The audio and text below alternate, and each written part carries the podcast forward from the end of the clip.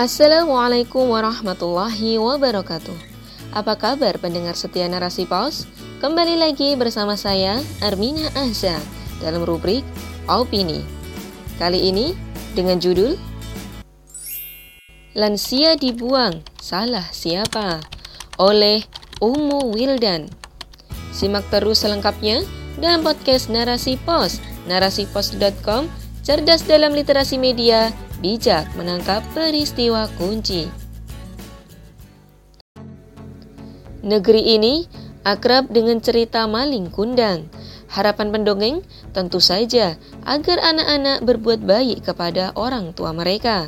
Sayangnya, kutukan menjadi batu bukanlah sesuatu yang menakutkan bagi orang-orang yang hidup di zaman ini. Cerita tinggallah cerita, kenyataan menunjukkan sebaliknya. Ibu terima Perempuan berusia 65 tahun asal Magelang diserahkan ke Pati Jompo di Malang oleh tiga anaknya karena merasa tak sanggup merawat. Bahkan, dalam surat keterangan yang beredar di media sosial, ketiganya sepakat bahwa ketika sang ibu meninggal, mereka menyerahkan seluruh prosesi jenazah beliau untuk diurus oleh pihak panti. Sementara itu, pada tahun 2020, di Kecamatan Mauraksa Aceh, seorang pria lansia meragang nyawa sendirian, jauh dari rumahnya. Sebelum meninggal, beliau menyebutkan bahwa dia telah dibuang oleh anak-anaknya. Dalam kehidupan kapitalis sekuler, hubungan anak dengan orang tua seperti ini sangat dimungkinkan terjadi. Hubungan dibangun dengan asas pemisahan agama dari kehidupan. Agamanya hanya berkaitan dengan ibadah ritual semata. Kebahagiaan pun dipandang dari segi materi. Ketika suatu hal dipandang menguntungkan, maka akan diperjuangkan. Namun, ketika hal tersebut dipandang tak menghasilkan keuntungan, bahkan menjadi beban, maka wajar saja dilepaskan. Merawat orang tua lansia memerlukan pengorbanan. Kekuatan tubuh mereka melemah, bahkan mungkin memerlukan bantuan orang lain untuk melakukan berbagai aktivitas harian, seperti makan, mandi, hingga buang hajat. Lansia pun sudah tidak bisa lagi bekerja, bahkan untuk memenuhi kebutuhan hidup mereka.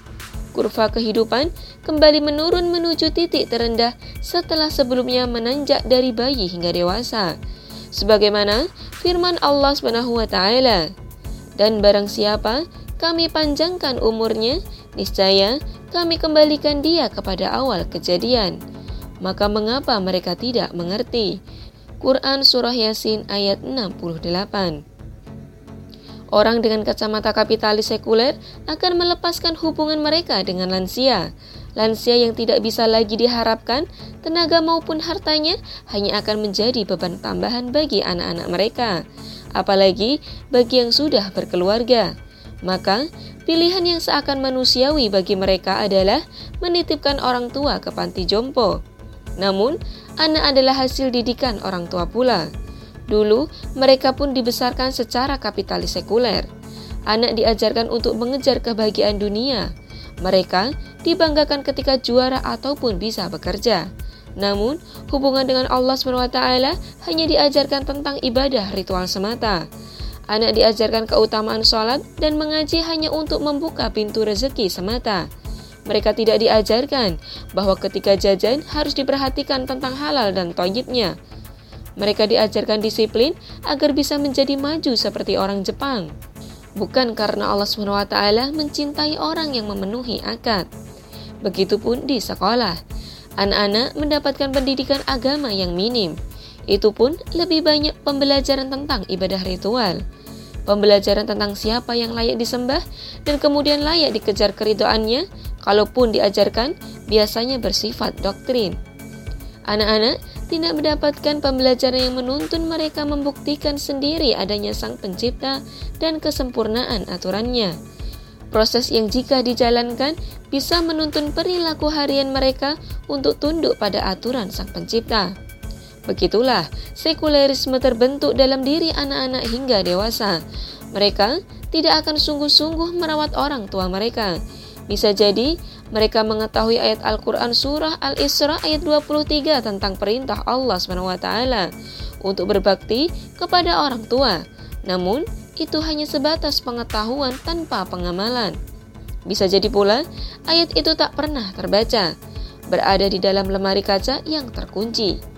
Bisa jadi pula tak sedikit orang yang awam akan celaan Rasulullah SAW terhadap anak yang melalaikan orang tuanya yang lansia. Sebagaimana disebutkan dalam hadis dari Abu Hurairah radhiyallahu anha, Nabi SAW bersabda, "Sungguh terhina, sungguh terhina, sungguh terhina."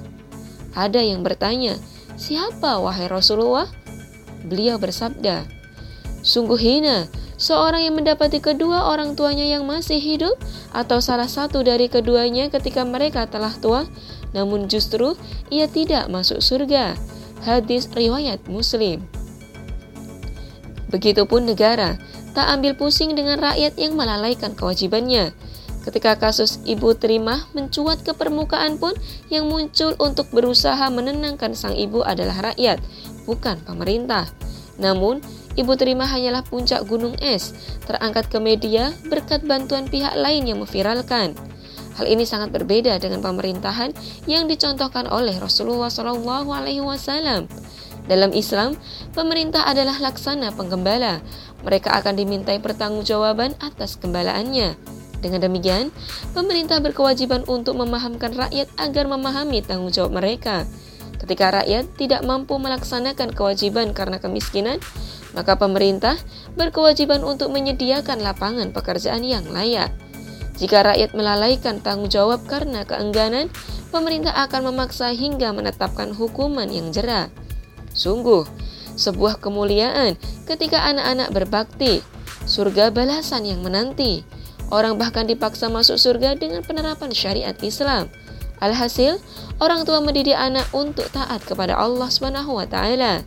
Anak pun berbakti kepada orang tua karena ketaatan kepada Allah taala. Adapun pemerintah memikul tanggung jawab sebagai gembala seperti yang diperintahkan oleh Allah taala. Wallahu alam bisawab. Sekian perjumpaan kita. Selamat berjumpa di opini-opini selanjutnya. Saya Armina Ahza mohon undur diri. Barakallahu fikum. Wassalamualaikum warahmatullahi wabarakatuh.